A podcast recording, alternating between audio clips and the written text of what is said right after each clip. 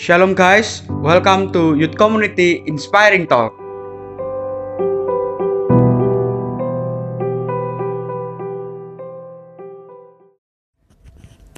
Hello everyone, welcome to Inspiring Talk with me, Nita Rusita.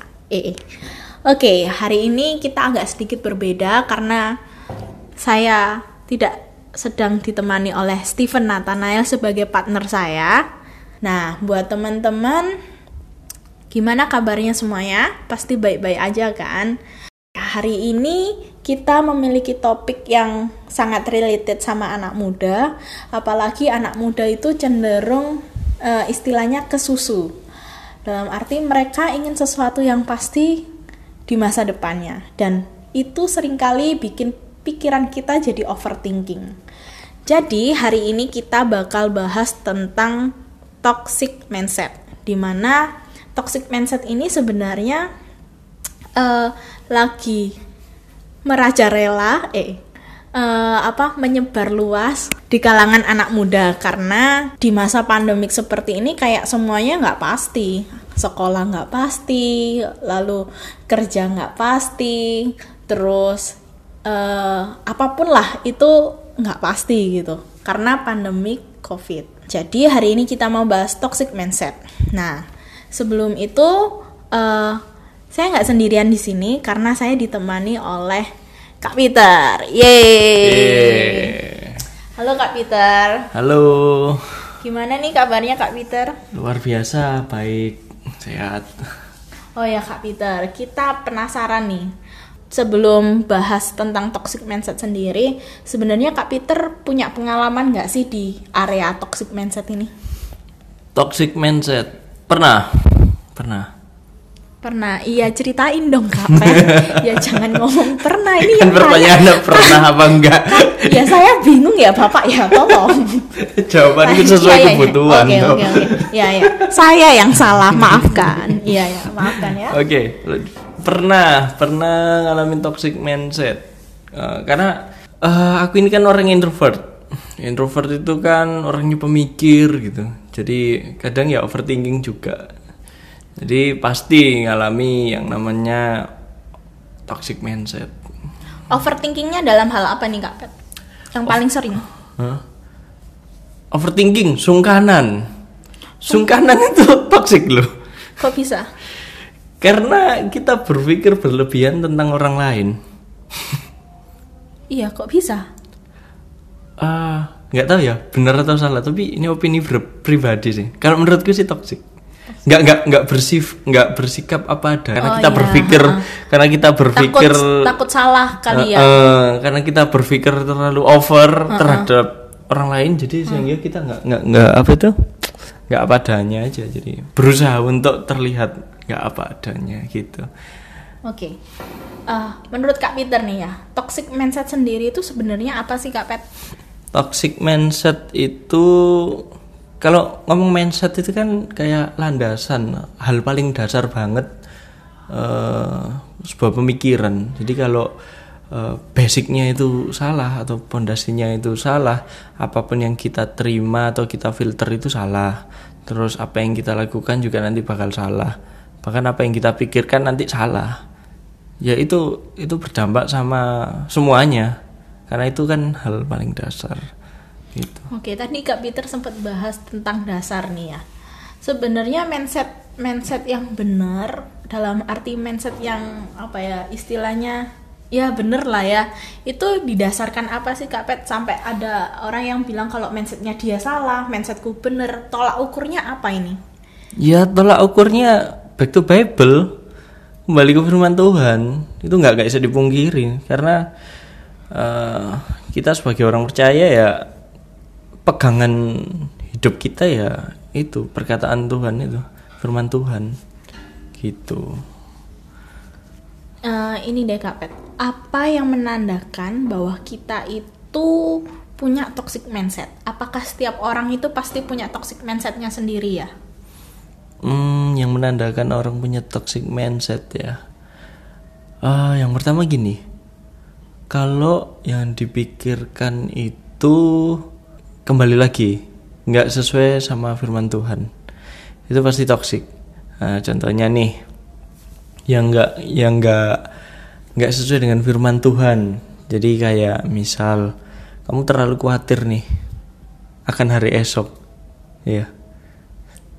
Nah, terus ya coba kita kita lihat di uh, Tuhan bilang nih, janganlah kamu khawatir. Nah, kalau kalau nggak sesuai sama apa yang firman Tuhan bilang ya pasti toksik kan? Kamu terlalu khawatir un untuk hari besok. Nah mikirin uh, hari besok. Padahal Tuhan bilang kesusahan sehari cukup hanya untuk sehari. Burung pipit aja dipelihara apalagi kita gitu. Ya itu contohnya kayak gitu. Jadi kalau segala sesuatu yang enggak sesuai dengan firman itu pasti toksik gitu termasuk ini termasuk pemikiran kita gitu Oke, Kak Peter sendiri pengalaman realnya sendiri deh uh, tentang toxic mindset ini. Pengalaman real, oke. Okay. Hmm, ah kebetulan aku kan baru baru lulus tahun 2019 kemarin ya, nggak on target, nggak on target. Jadi rencananya lulus 4 tahun jadi nambah setengah, nambah setengahnya cuman hal sepele. Karena apa nih Kak Peter? Kalau boleh tahu nih? Oke, karena aku sibuk banget uh, apa ya? Uh, bukan sibuk ya kayak menggantikan prioritasku yang harusnya kuliah jadi kerja gitu. Nah jadi sehingga waktu itu kalau di kampus kan ada kayak jadwal upload untuk uh, skripsi gitu. Nah karena waktu itu kebetulan aku lagi uh, satu minggu itu lagi ini ya lagi ada proyek kerjaan weddingan waktu itu. Dihajar weddingan selama seminggu terus sampai nggak merhatiin uh, sampai nggak merhatiin tanggal sampai lupa gitu. Ya harus pilih tapi eh, bikin nyeselnya itu lama gitu. nah karena nggak nggak nggak nggak nggak sesuai target ya otomatis aku ngerasa kayak waduh ini gagal banget hidupku gagal. Pernah sempat mikir kayak gitu hidupku gagal hidupku kayak wah seharusnya nggak kayak gini gitu. Uh, kalau dibilang di mana sisi toksiknya yaitu waktu aku berusaha berusaha untuk uh, menyemangati diriku sendiri dengan kata-kata motivasi. emang gini kak Peter, emang nggak boleh ya kalau kita lagi ngerasa down, terus kita mengoleksi kata-kata motivasi itu, terus kan sering kali nih anak-anak muda apalagi ketika dia ngerasa gagal, koleksi kata-kata apa motivasi itu kan banyak, terus habis gitu di-upload dong di story. yeah. eh, emang kalau kayak gitu nggak boleh ya, istilahnya kan kita menyemangati diri kita sendiri nih. Aku nggak bilang nggak boleh, boleh-boleh aja. Tapi yang nggak, uh, oh, kok nggak boleh? Nggak, yang aku kurang setuju atau aku, aku juga baru baru sadar waktu 2019 kemarin itu lagi rame-ramenya yang namanya toxic positivity. Nah, toxic positivity. Nah, aku aku baru nyadar waktu itu lagi buka artikelnya CNN ya Oh sini boleh nyebut merek ya? Gak apa-apa dong. Gak apa-apa lah, gak apa-apa. Oh, gitu. Kita gak di endorse kok. Benernya gak boleh, kan gak di endorse ya. Waktu itu artikelnya CNN. Yaitu uh, baru rame 2019 kemarin itu bicarain tentang toxic positivity. Jadi toxic positivity itu kayak uh, hal negatifnya kita uh, mungkin kegagalan kegagalanku itu kayak aku tutupi dengan kata-kata motivasi. Menutupi loh ya. Nah kalau sesuatu yang menutup hanya menutupi itu kan bersifat sementara ya. Dan itu nggak baik. Dan itu dibilang katanya namanya toxic positivity. Jadi menutupi bagian negatifnya kita atau kegagalan kita dengan hal-hal yang memotivasi hal-hal yang uh, positif. Ternyata itu ternyata itu toxic. Kamu pernah denger gak toxic positivity? Pernah denger sih sempat buka-buka juga kan. Cuma kayak nggak mendalami banget sih kak Pet. Nah, aku mau tanya sih, eh, gimana kita tahu kalau kita ini sedang menutupi kegagalan kita sama ya apa ya istilahnya? Ya kita pengen benar-benar semangat lagi gitu. Dalam arti kita nggak nggak sedang menutupi itu. Kita tahu kalau kita menutupi kegagalan kita sama enggak tahu dari mana nih? Hmm, Oke, kalau kita hmm, tahu gimana kita menutupi sama enggak ya, itu dari sini dari eh, motivasinya aja dulu, motivasi dasar seseorang. Jadi kalau mau menutupi itu biasanya cenderung. Ini buat ini pengalamanku pribadi sih. Cenderung untuk aku aku berusaha terlihat baik-baik saja. Dan itu tidak baik. Terlihat baik-baik saja itu ternyata tidak baik. Eh, itu bukan utuhnya aku utuhnya aku adalah positif dan negatifku. Kegagalanku adalah bagian hidupku. Kalau aku hanya menutupi supaya aku terlihat baik-baik saja itu nggak baik. Ah ah, kecemasan atau kekhawatiran itu diciptakan Tuhan. Ah, iya toh kecemasan sama kekhawatiran itu pasti diciptakan Tuhan supaya kita lebih bergantung lagi sama Tuhan nggak ngandelin diri kita sendiri. Nah kalau kita berusaha untuk oke aku cari kata-kata motivasi. Oh berpikir positif lewat kejadian yang ada itu ternyata itu toxic. Aku membaca artikelnya itu toxic. Jadi dan kalau aku pikir-pikir ya juga benar. Karena itu bukan utuhnya aku. Utuhnya aku adalah ketika aku gagal itu. Dan kegagalanku itu eh mungkin walaupun gara-gara aku tapi itu diizinkan Tuhan. Ada maksud lain yang Tuhan ingin eh, bikin cerita lewat hidupku lewat kegagalanku. Nggak melulu tentang keberhasilan keberhasilan enggak. Jadi kayak gitu. Nih, kata-katanya bagus nih. Terlihat baik-baik saja. Eh, mungkin teman-teman dan aku lebih tepatnya pernah sih Kak Pet. Terlihat baik-baik saja. Seolah kayak kita selalu ceria di depan. Terus kita kita nggak pernah apa ya mengumbar kegagalan kita. Apalagi kalau di care nih. Care itu biasanya nih kayak unjuk gigi tau nggak sih? Ceritanya iya aku kemarin eh, contoh simpel ya. Iya aku lulus tiga setengah kumlot nggak sombong ya teman-teman nggak sombong. Loh enggak loh, justru justru care itu sebenarnya tempatnya kita jadi apa adanya. Karena eh, harusnya itu kan rumah. Ibarat rumah itu kan kita nyaman. Kalau kita nyaman kan jadi apa adanya kita. Seharusnya sih gitu kan ya. seharusnya gitu ya. Tapi kan terkadang ya gimana ya kalau aku pribadi. Eh tapi jangan salah aku juga pernah nangis di care tau. oh iya iya. Ah kamu jangan membuka aibku dong. Eh benernya kita nggak apa-apa kali buka Nggak aib. itu aib itu tau. bagian dari hidup kita sebenarnya. Eh tapi ada ada ada orang yang bilang gini ke ke saya ke aku ini nanya saya apa aku sih Apa? Surabaya aku biasanya ya udahlah aku ya ada orang yang bilang ke aku bilang gini kamu kalau misalnya lemah jangan ditunjukin di publik dong Mm-mm.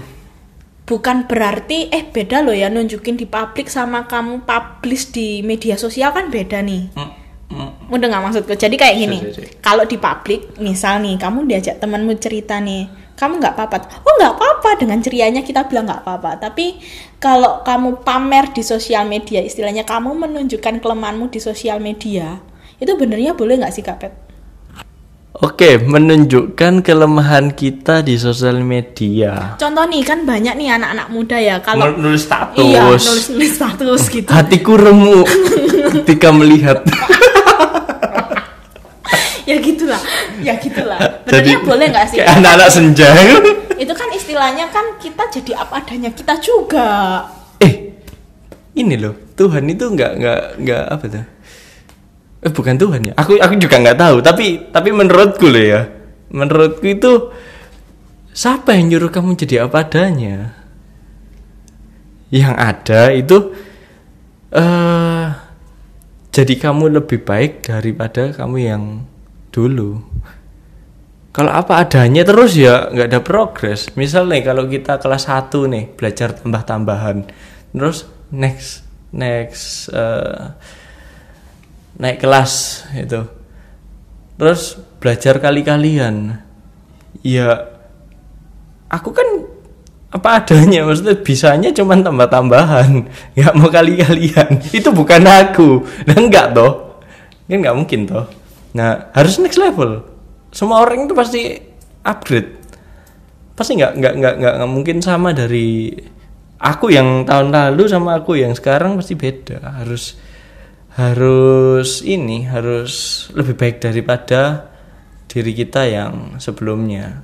Kalau apa adanya nek kalau menurutku pribadi ya apa adanya itu hmm, kembali lagi apa adanya kita sesuai firman Tuhan Lalu apa bedanya apa adanya sama utuh? Paham nggak sih? Mm-mm. Kayak hampir sama nggak sih Kak Pet?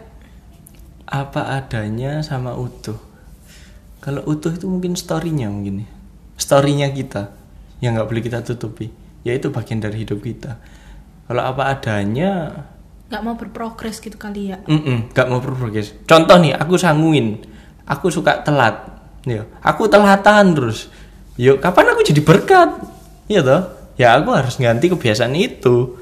Kalau aku tel- telatan terus, ya nggak nggak ini nggak baik, malah jadi batu sandungan. Makanya kalau apa adanya kita sesuai firman Tuhan. Jadi nulis status di story itu gimana? Jadi nulis status apa dulu? ya, Yang yang ini, yang apa itu yang galau-galau gitu. mungkin Hah? Iya kali ya. Oke. Tapi kalau- kan emang bener tuh Kak Pet. Maksudnya teman-temanku sendiri juga kayak gitu nih. Kayak putus sama pacar nih, tulis-tulis status, saling senggrong sana, senggrong sini, terus musuhan sama temennya, saling sindir-sindir. Kan istilahnya itu juga apa ya? Utuhnya mereka nggak sih? Beda ya? Atau Ah, gimana? Enggak, itu kok malah bukan utuhnya mereka, itu malah mereka yang dikendalikan sama sosial media. Gitu. Kan gini, eh sosial media itu kita yang kendalikan.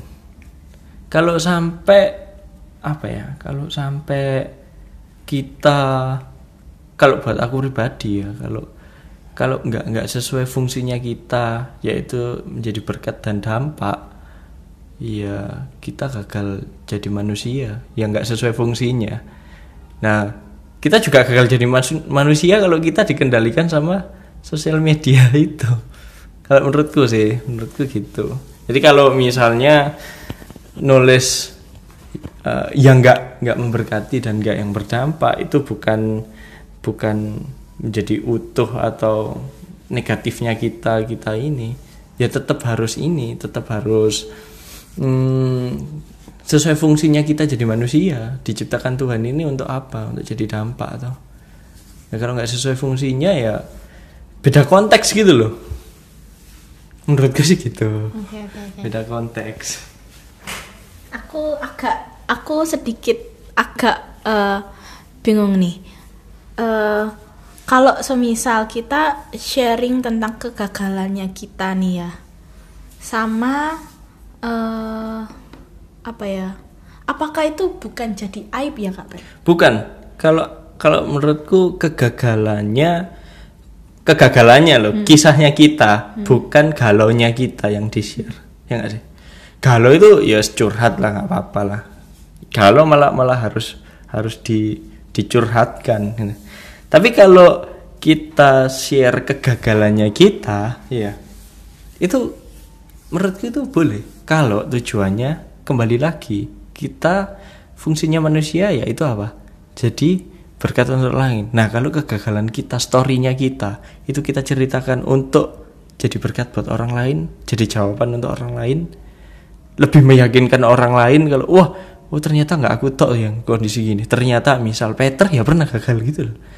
Wah berarti ya aku nggak nggak nggak ini tanpa kita perlu bilang kamu harus positif, kamu harus berpikiran positif, ayo maju. tanpa aku bilang kayak gitu, tanpa aku toxic positivity katanya, lewat storyku, ya bagian hidupku kalau itu eh, jadi jawaban buat orang lain ya ya itu kita sesuai fungsinya jadi manusia jadi dampak juga. Kembali lagi tujuannya apa?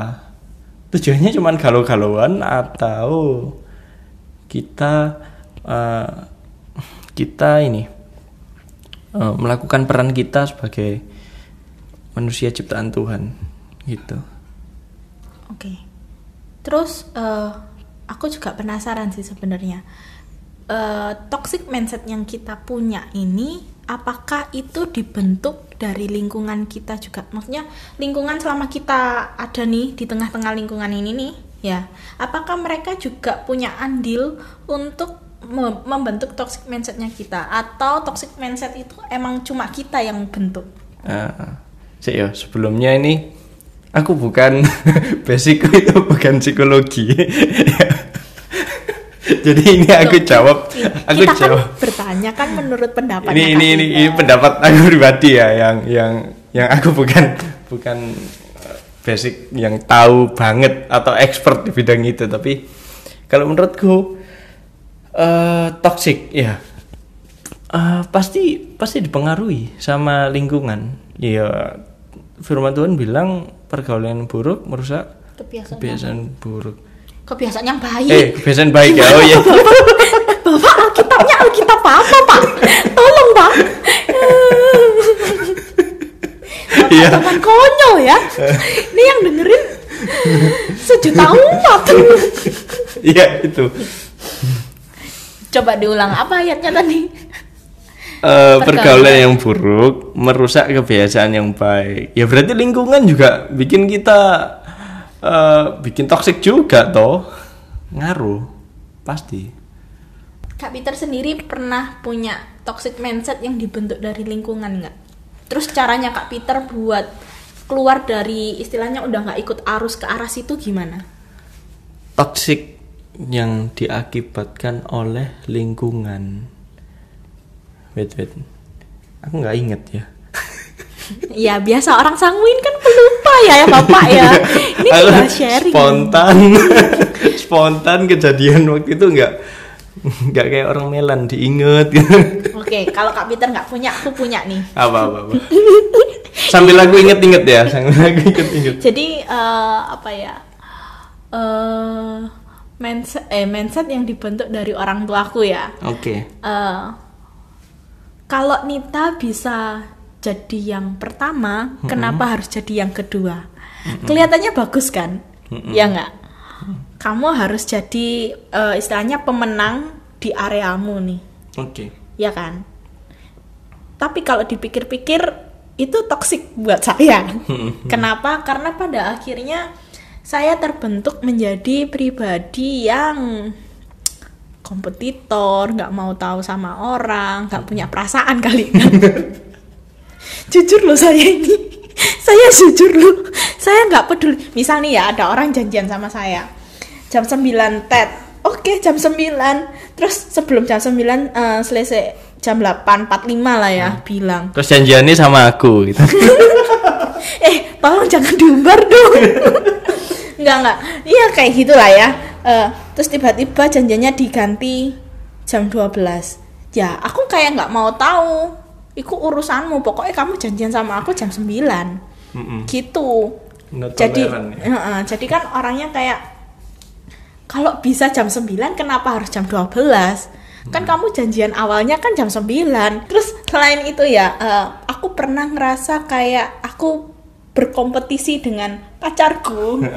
Karena aku punya mimpi awal aku kuliah aku bermimpi aku jadi eh, apa salah satu tim kreatif di net. Mm-mm. ternyata pacarku juga bilang gitu dong. Kan marah ya saya ya. Terus nggak lama aku kepikiran oke jadi PNS saja lah kelihatannya enak ya. Terus nggak lama pacarku juga bilang gitu dong. Kan saya bete ya lama-lama ya.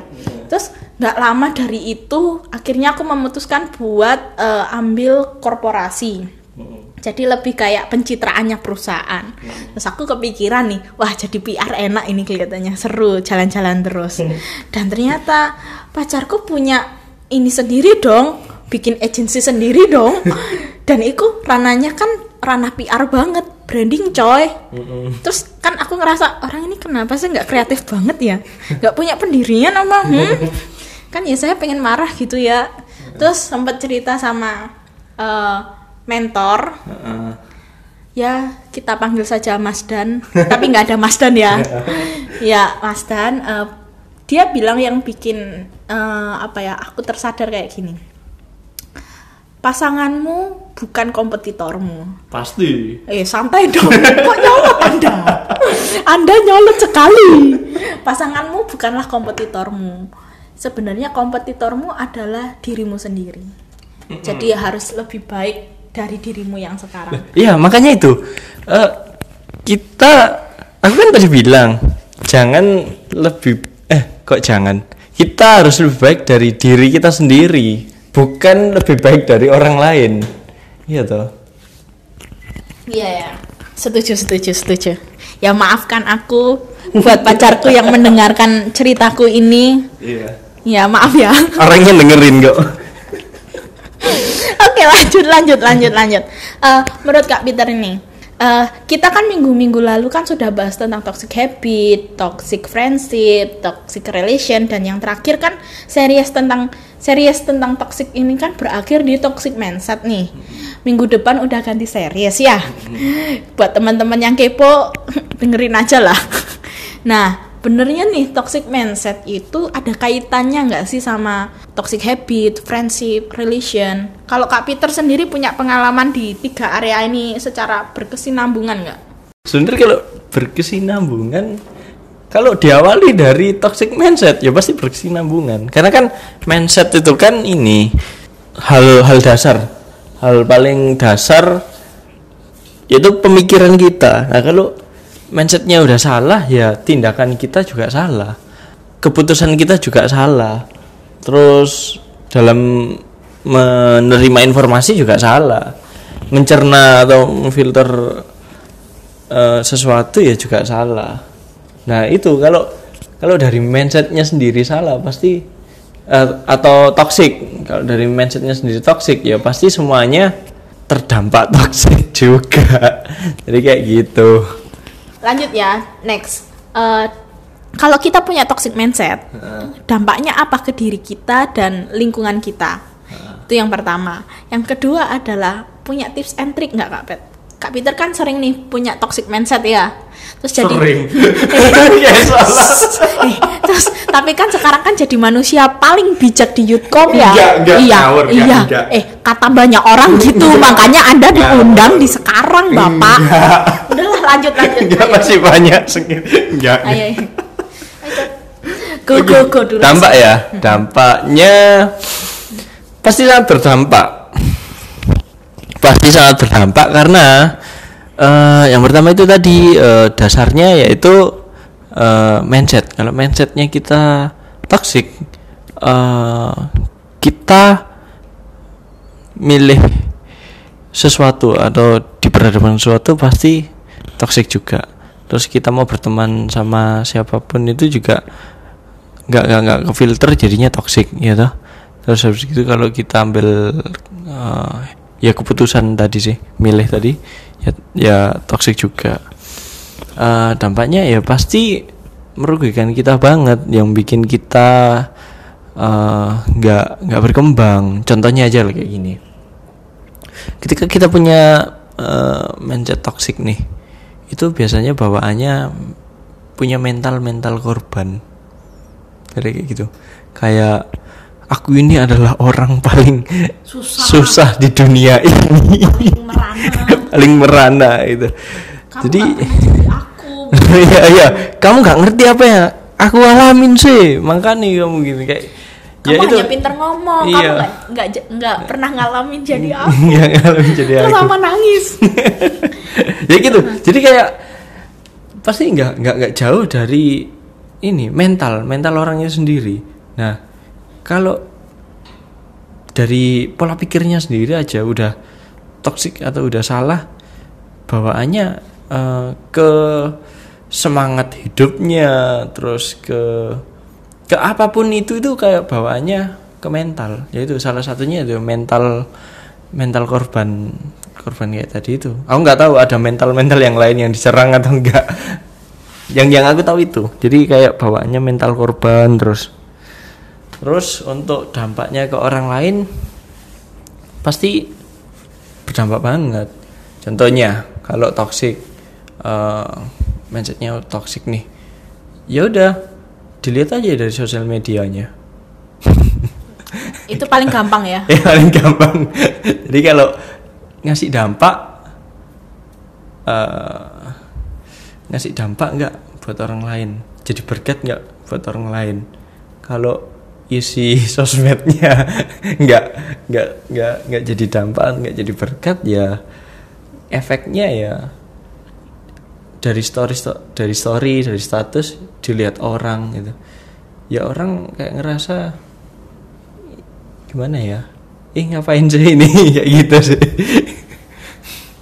Kalau tips and triknya sendiri biar kita nggak nggak apa ya istilahnya kita nggak bisa mungkirin sih ya kalau toxic mindset itu pasti ada di diri kita. Paling nggak meminimalisir lah. ya itu kembali lagi tipsnya relasimu sama Tuhan nah relasimu itu sama Tuhan itu yang hmm, yang tergambar dari hidupmu ya kayak gitu nah makanya penting banget punya relasi atau hubungan yang intim yang baik sama Tuhan supaya outputnya ini nggak toksik Oke nih, untuk penutup kita udah di penghujung acara nih ya. Di penghujung perbincangan perbincangan. Menurut Kak Peter nih ya, eh, apa sih saran dan pesan untuk anak-anak milenial seperti saya dan teman-teman yang sedang mendengarkan berkaitan sama toxic mindset ini? Oke, pesan buat teman-teman gitu. Jadi tetap eh, nggak bisa dipungkirin jaga hubungan kalian dengan Tuhan. Jadi eh, benar-benar eh, jaga kualitas hubungan kalian dengan Tuhan supaya apa? Supaya nanti hidup kalian itu tergambar dengan siapa deng- eh, kalian berrelasi. Nah, kalau kalau kalian eh, dekat atau kalian berrelasi dekat dengan Tuhan dari mindset kalian pasti nanti akan benar sesuai kebenaran firman Tuhan. Dari kalian bergaul ya pasti. Karena eh, pertama kalian bergaul dengan Tuhan pasti kalian pasti bisa dengan bijak untuk memfilter teman-teman kalian atau menfilter dengan siapa kalian bergaul. Terus untuk kalian berrelationship yaitu pasti terjaga dengan nilai-nilai kebenaran. Jadi kalian nggak nggak sembarangan milih pasangan hidup kalian.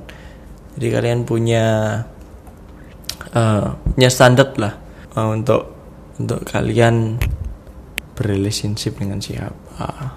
Jadi seperti itu. Oke, terima kasih Kak Peter. Bijak sekali. Enggak, Iya, terima kasih Kak Peter. Oke, konklusi dari aku sedikit agak panjang karena perbincangannya sangat menarik sih buat aku ya. Oke, mari kita dengarkan. Cukup waktu ya sekitar 5 menit kali ya. Jadi gini, keadaan yang tidak baik-baik saja memang memacu pemikiran kita jadi overthinking dan berakhir dengan tindakan sensitif dan negatif. Seolah tak terjadi apa-apa, namun tiap saat dihantui rasa bersalah, amarah yang membara, hingga menuduh orang lain dan mulai mengelak dengan alibi keadaanlah yang bersalah.